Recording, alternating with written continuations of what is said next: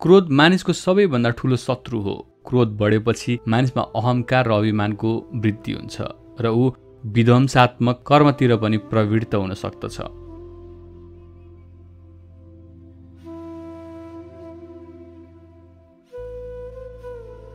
इन्द्रियहरूद्वारा विषयको ग्रहण नगर्ने आहारहीन पुरुषको इन्द्रियका विषयहरू हट्न सक्दछन्। राग वा आसक्ति चाहिँ हट्न सक्दैन। तर परब्रह्म परमात्मालाई साक्षात्कार गरेपछि भने स्थित प्रज्ञ पुरुषको राग वा आसक्ति पनि निवृत्त हुन्छ। अर्थात् विषय भोगको कामना अत्यन्त प्रबल हुन्छ। यसप्रतिको अनुराग वा आसक्ति हटाउन ज्यादै कठिन छ। इन्द्रियका विषयहरू ग्रहण नगर्ने भने दृढ सङ्कल्प लिएर ज्ञान साधनामा निरत रहेका आहारहीन योगी पुरुष केही समयसम्म इन्द्रियका विषयहरूको उपभोगबाट छुटकारा पाउन सक्लान्। तर उसभित्र रहेको आसक्ति वा बासना वा रागबाट भने छुटकारा पाउन सक्दैन। उदाहरणको लागि स्त्री जातिको संसर्गबाट अलग रहेको कुनै पनि योगी पुरुष यौनजन्य विषयको उपभोगबाट छुटकारा पाउन सक्ला तर उसको भित्री हृदयमा अवस्थित काम बासना र आसक्तिलाई भने सदाका लागि परित्याग गर्न सक्दैन। यस किसिमको बासना वा आसक्तिलाई हटाउन परब्रह्मको साक्षात्कार आवश्यक हुन्छ र त्यस साक्षात्कारको अनुभूति पश्चात भने उसमा रहेको भोगेच्छा वा आसक्ति स्वत निवृत्ति हुन्छ अनि उसको बुद्धि स्थिर भए स्थित प्रज्ञ बन्दछ अब इन्द्रिय संयम गर्न नसक्नुबाट हुने हानिका बारेमा भगवान् श्रीकृष्ण भन्नुहुन्छ हे कुन्ती पुत्र अर्जुन इन्द्रियहरू अत्यन्त बलवान शक्तिशाली र प्रमथन गर्ने स्वभावका हुन्छन्। त्यसैले यी इन्द्रियहरूलाई नियन्त्रण गर्न प्रयत्न गर्ने विद्वान तथा विवेकशील पुरुषको मनलाई पनि तिनीहरूले जबरजस्ती बलपूर्वक हरण गर्दछन्। अर्थात् मानिसका इन्द्रियहरू नियन्त्रण र दमन गर्न नसकिने खालका हुन्छन्। अत्यन्त बलवान शक्तिशाली अजय र अजेडी हुन्छन्। त्यसैले जति सुकै प्रयास गरे पनि तिनीहरूलाई बसमा राख्न निकै कठिन पर्दछ। तिनीहरूले बुद्धिमान मानिसको मनलाई पनि विषय सुखको प्रलोभनमा फसाएर बलपूर्वक हरण गर्दछन्। ठुला ठुला साधु सन्त र महापुरुषहरूले पनि इन्द्रिय निग्रह गर्न ठुलो प्रयास गर्नुपर्दछ। यस जगतमा रूप रस गन्ध स्पर्शादि इन्द्रियका विषयहरूबाट सुरक्षित र तटस्थ रहन सक्ने व्यक्ति विरलै हुन्छन्। जसको आध्यात्मिक ज्ञान र क्षमता प्रबल छ उसले आसक्ति र बासना त्याग गरेको हुन्छ। जसले योग साधनाद्वारा इन्द्रियहरूको निग्रह गर्ने अभ्यास गरेको हुन्छ त्यस किसिमको पुरुषले नै आफ्नो मनमा ध्यान र ईश्वरमा समर्पण गरेर इन्द्रियहरूलाई बस गर्न सक्दछन्।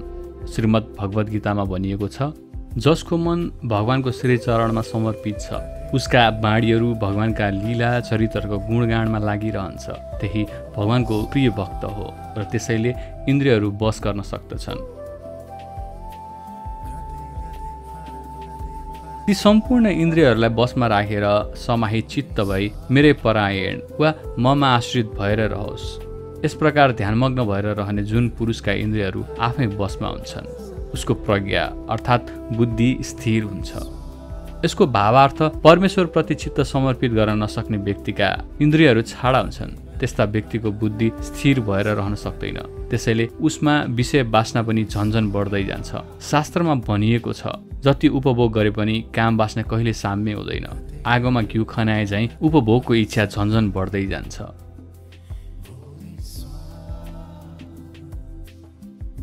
स्थिर प्रज्ञ हुनका लागि पहिलो आवश्यकता इन्द्रिय संयम र इन्द्रिय निग्रह हो। नियन्त्रणमा नरहेको इन्द्रले मानिसको मन र बुद्धिलाई विचलित पार्दछ। र ऊ वासुदेव परायण भए ध्यानमग्न भएर रहन सक्दैन। त्यसैले समाहित चित्त भई मनलाई समेत हरण गर्ने इन्द्रियहरूलाई नियन्त्रण गर्न सक्नुपर्छ जसका इन्द्रियहरू बसमा रहन्छन् त्यही महापुरुष स्थित प्रज्ञ हुन सक्दछन्। स्थित प्रज्ञ पुरुष नै सफलताको शिखरमा पुग्न सफल हुन्छ। इन्द्रियका रूप रस गन्ध स्पर्श आदि विषयहरूको चिन्तन गर्ने पुरुषको तिनै विषयहरूमा आसक्ति र अनुराग पैदा हुन्छ। आसक्तिबाट ती विषयहरूप्रति कामना वा तृष्ण पैदा हुन्छ र कामना वा तृष्णा पूर्ति हुन सकेन भने त्यसबाट क्रोध उत्पन्न हुन्छ। यसको भावार्थ भगवद् गीताको बसठी र त्रिसठी श्लोकको उच्च स्थानमा पुग्न सक्ने एक उदार प्रकृतिको भद्र पुरुष पनि विशेष सुखको उपभोगको लालसाले कसरी तल गिर्दछ भन्ने कुरा देखाइएको छ। विषयको सुख भोगमा रम्ने रमाउने मानिसको मन इन्द्रियका विषयहरूप्रति आसक्त हुन्छ। आसक्तिबाट विषयहरूप्रति आकर्षण पैदा हुन्छ। मानिस जुन विषयप्रति बढी आकर्षित हुन्छ ऊ त्यसैतिर फस्दछ विषयप्रतिको आसक्तिबाट कामना आकाङ्क्षा र लालसा वृद्धि हुन्छ। मानिसको कामना वा इच्छा ज्यादै प्रबल र शक्तिशाली हुन्छ। इच्छा राम्रो कर्मतिर प्रवृत्त भयो भने मानिसको उत्थान र प्रगति हुन्छ तर नराम्रो कर्ममा लाग्यो भने उसको अधपतन सुरु हुन्छ।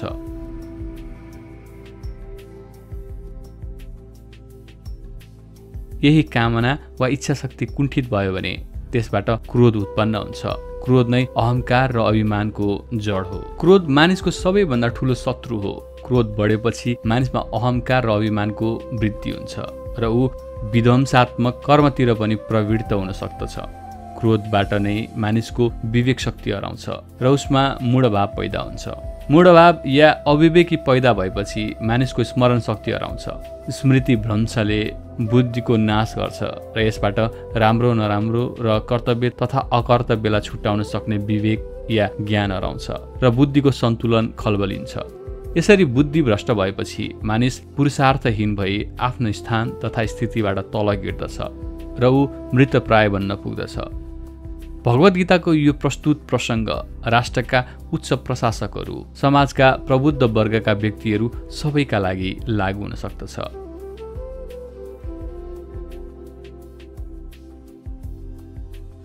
भगवान् श्रीकृष्ण आज्ञा गर्नुहुन्छ परन्तु जसको अन्तस्करण आफ्नो स्वाधीनमा छ त्यस्तो पुरुषले आफ्नो नियन्त्रणमा रहेका राग द्वेषबाट मुक्त इन्द्रियहरूद्वारा इन्द्रियका विषयहरूलाई ग्रहण गर्दछ। उसले अन्तस्करणको प्रसन्नता र पवित्रता प्राप्त गर्दछ। अन्तस्करणको प्रसन्नता वा शुद्धतामा कर्मयोगी पुरुषका सम्पूर्ण भौतिक कष्टहरू र दुःखहरूको निवारण हुन्छ र प्रसन्न चित्त भएको योगीको बुद्धि शीघ्र नै स्थिर र निश्चल हुन्छ। अर्थात् जब मानिसको अन्तरात्मामा पूर्ण शान्ति प्रसन्नता र निर्मलता छाउँछ त्यसवखत उसको अन्तस्करणबाट दुःख कष्ट र पीडाका सबै छटपटीहरू स्वत बिलाएर जान्छन्। अन्तस्करणको प्रसन्नताले आध्यात्मिक आदि वैदिक र आदि भौतिक आदि दुःख कष्टहरूको पनि निवारण हुन्छ। मानसिक अशान्ति र खिन्नता हट्दछ र अन्तस्करण पवित्र भई हृदय स्वच्छ र निर्मल बन्दछ। त्यसपछि अन्तस्करणमा रहेको अन्धकारको कालो आवरण हट्दछ र ज्ञानको प्रकाश खुल्दछ।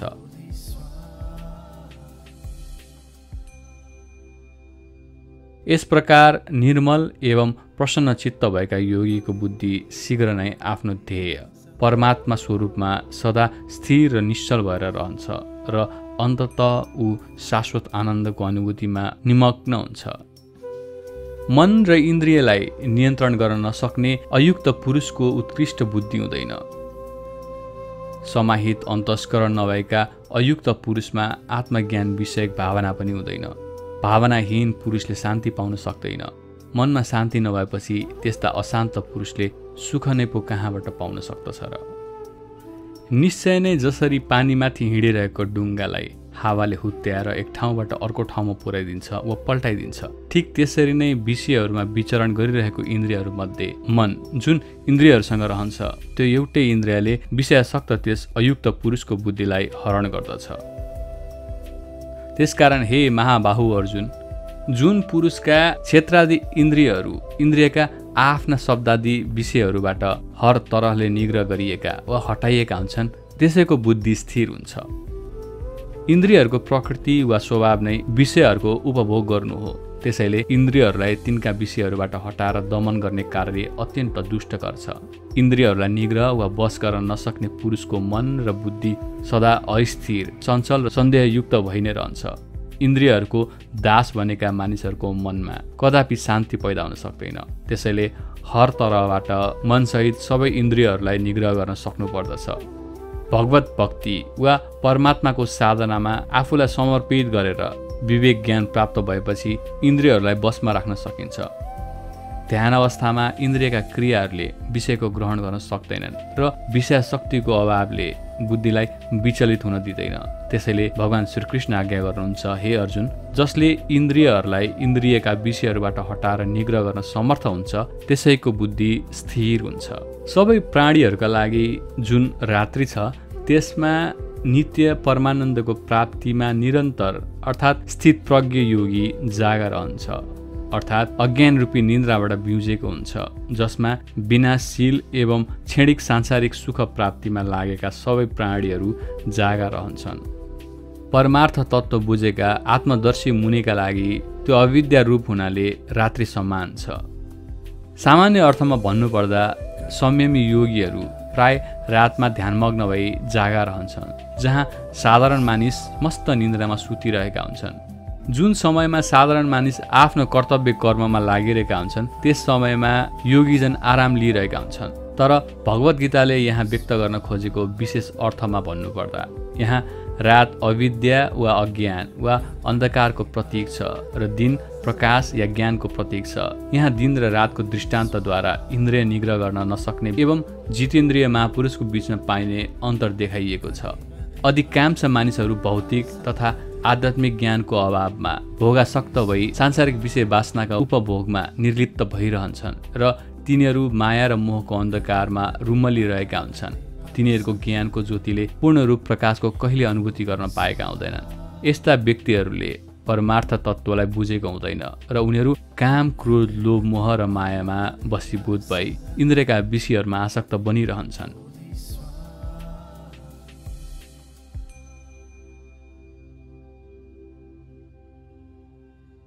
यस्ता प्राणीहरूका लागि प्रकाशमान दिन पनि रातकै समान हुन्छ जहाँ विषयासक्त प्राणीहरू अज्ञान रूपी अन्धकारमा रुमल लिइरहेका हुन्छन्। त्यसैले यो सबै स्थित प्रज्ञ योगीका लागि नसा समान हुन्छ। तर जसले नित्य ज्ञान स्वरूप परमानन्दको अनुभूति गरिसकेको हुन्छ त्यस्तो जितेन्द्रिय योगी अज्ञान रूपी निन्द्राबाट बुझेर रातमा पनि ज्ञानको दिव्य ज्योति प्राप्त गरेर जागा भइरहन्छ। वास्तवमा सांसारिक जति भोग बाँच्न छन् ती सबै छेडिक र नाशवान छन्। अविद्यारूपी अन्धकारले गर्दा विषयासक्त साधारण मानिसले यसलाई बुझेको हुँदैन र उनी भोग बासनाहरू रात जस्तै अन्धकारमय भए पनि विषयासक्त व्यक्ति नै भौतिक सुख सुविधाको प्राप्तिमा सदा लागिरहेको हुन्छ। तर ज्ञानवान तत्त्वदर्शी महापुरुष भने यी सबै कुरा क्षणिक र नाशवान हुन् भन्ने ठानेर सांसारिक सुख भोगलाई रातकै समान अन्धकारमय देख्छ। यसरी परमात्मा तत्त्वलाई यथार्थ रूपमा बुझ्ने योगीका लागि अन्धकारमय रात पनि दिनकै समान ठहरिन्छ।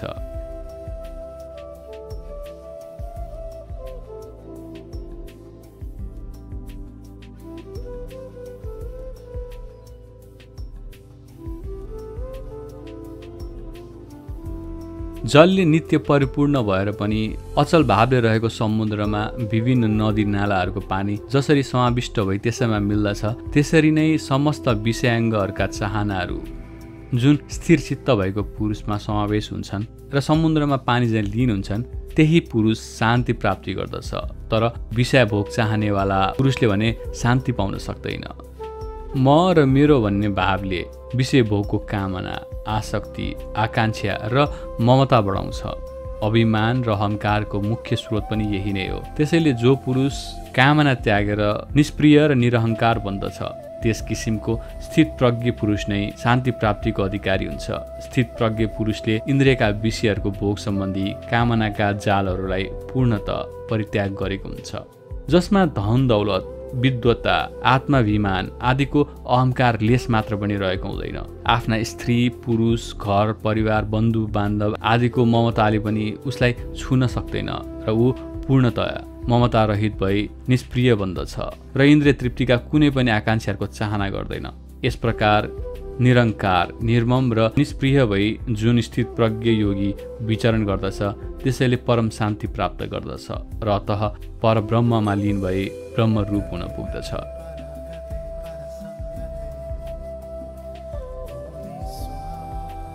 हे अर्जुन यो ब्रह्ममा हुने स्थिति हो। यस ब्राह्मी स्थितिलाई पाएर जो पुरुष मोहित हुँदैन त्यो पुरुष अनन्त कालमा पनि यसै ब्राह्मी स्थितिमा रहेर ब्रह्मानन्द वा ब्रह्ममा लीन स्वरूप अर्थात् मोक्ष प्राप्त गर्दछ। ब्राह्मी स्थिति भनेको सर्वज्ञ सर्वेश्वर सर्वव्यापक र सर्वगत ब्रह्ममा लीन भई ब्रह्म निर्माण प्राप्त हुने अवस्था हो जसले कामनाहरू परित्याग गर्दछ। जो इन्द्रियका विषयहरूको उपभोगप्रति आसक्त हुँदैन र निर्मम एवं निरहङ्कार बन्दछ। उसैले परम शान्ति प्राप्त गर्दछ। शान्ति प्राप्तिको यही स्थिति नै ब्राह्मी स्थिति हो।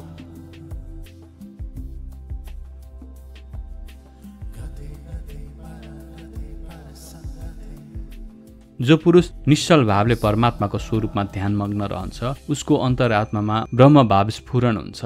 र उसले आध्यात्मिक ब्राह्मी स्थितिलाई प्राप्त गर्दछ। यो स्थितिलाई प्राप्त गर्ने पुरुष कहिले पनि मोहजालमा पर्दैन। उसले अहङ्कार तथा ममता जस्ता आसक्तिका ग्रन्थीहरू चुडालिसकेको हुन्छ र उसले फेरि माया र मोहको दलदलमा फस्नु पर्दैन।